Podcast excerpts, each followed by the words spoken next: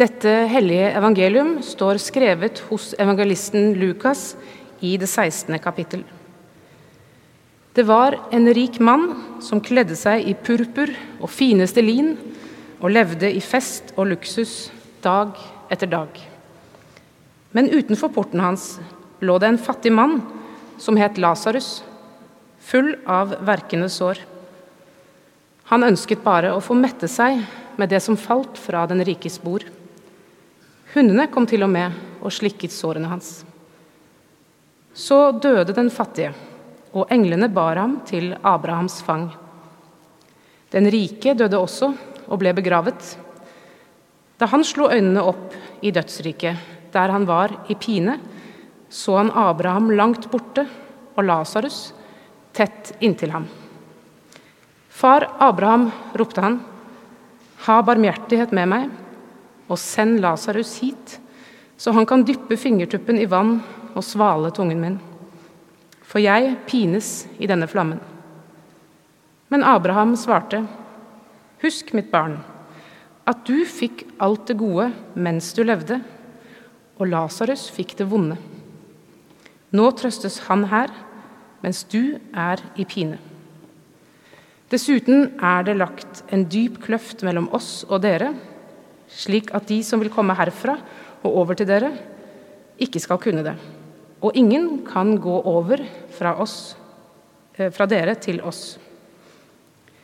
Da sa den rike, så ber jeg deg, far, at du sender ham til mine fem brødre hjemme hos min far, for å advare dem, så ikke de også skal komme til dette pinestedet. Men Abraham sa, de har Moses og profetene de får høre på dem. Han svarte, Nei, far Abraham, men kommer det noen til dem fra de døde, vil de omvende seg.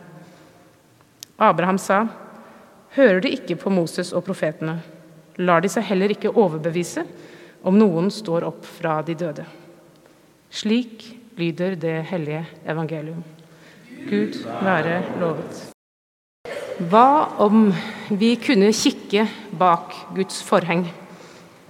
Hva om vi kunne få sannheten på bordet, sett alt klart, vite hva som er rett og galt? Hvordan alt går til slutt? Teksten i dag er henta fra Lukasevangeliet, og den kommer som den siste av flere lignelser som Jesus forteller disiplene sine og fariseerne. Lignelser er veldig spennende. De kalles ofte metaforiske allegorier og viser fram sannheter gjennom enkle fortellinger. Og disse fortellingene har en tendens til å krype under huden på oss. De lar oss se noe helt klart og tydelig. De rammer oss. Den hjemkomne sønn, den barmhjertige samaritan, kvinnen med sølvmynten, sauen som ble funnet igjen. Det er helt slående fortellerkunst. Evangeliet trer fram fra alt rusk og rask og uvesentlighet. Men lignelsene er noe Jesus finner på. Det er ikke gjengivelser av ting eller hendelser i historien. Den barmhjertige samaritan har Jesus diktet opp. Den hjemkomne sønn har aldri levd. Like fullt er det lite som oppleves som så sant som Jesu lignelser. For fiksjonen kan være det sanneste av alt.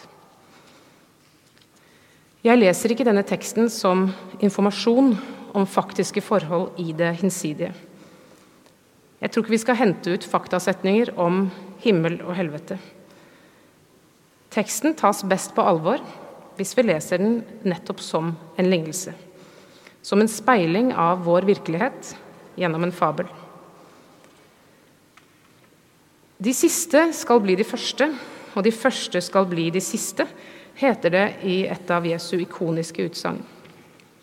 Og dette er noe av det mest grunnleggende i kristen tro. De lave løftes opp, de mektige støtes ned.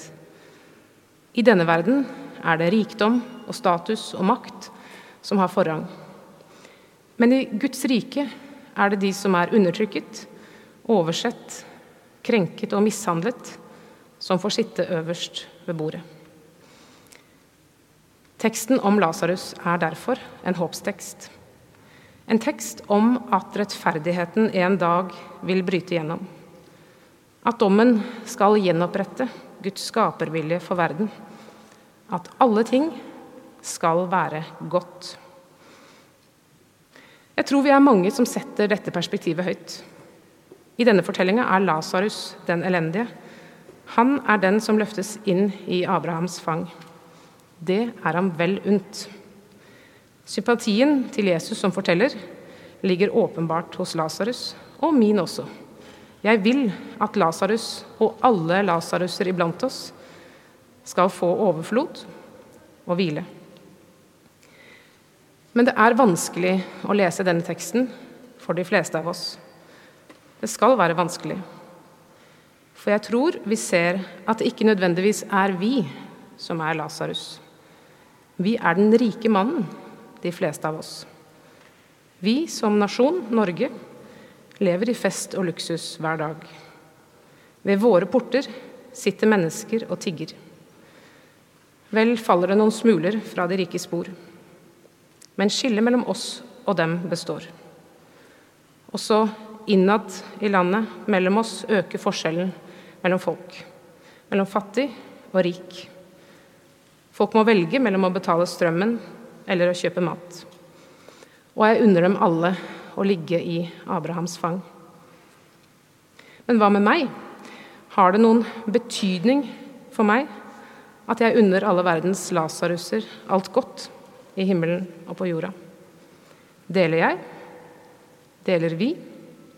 Eller går vi forbi og finne på forklaringer og teser for hvorfor de fattige kan skylde seg selv?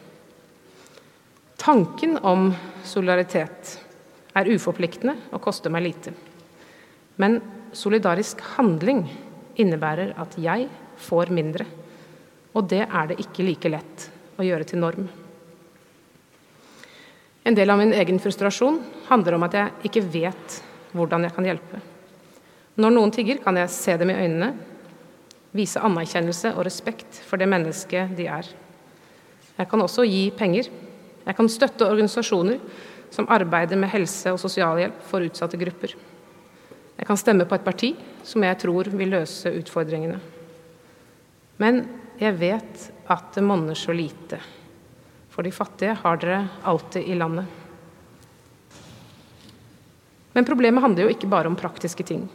Eller om effekten av ulike hjelpetiltak eller en rettferdig politikk. Problemet handler også om min vilje, om vår vilje eller manglende vilje til å hjelpe. Kanskje er denne teksten en håpstekst for noen. Jeg håper det.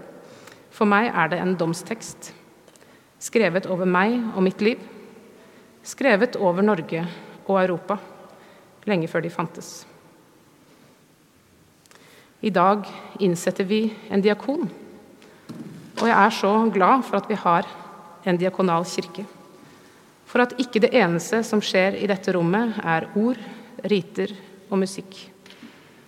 For at en kirke ikke er en kirke dersom den ikke også er nestekjærlig.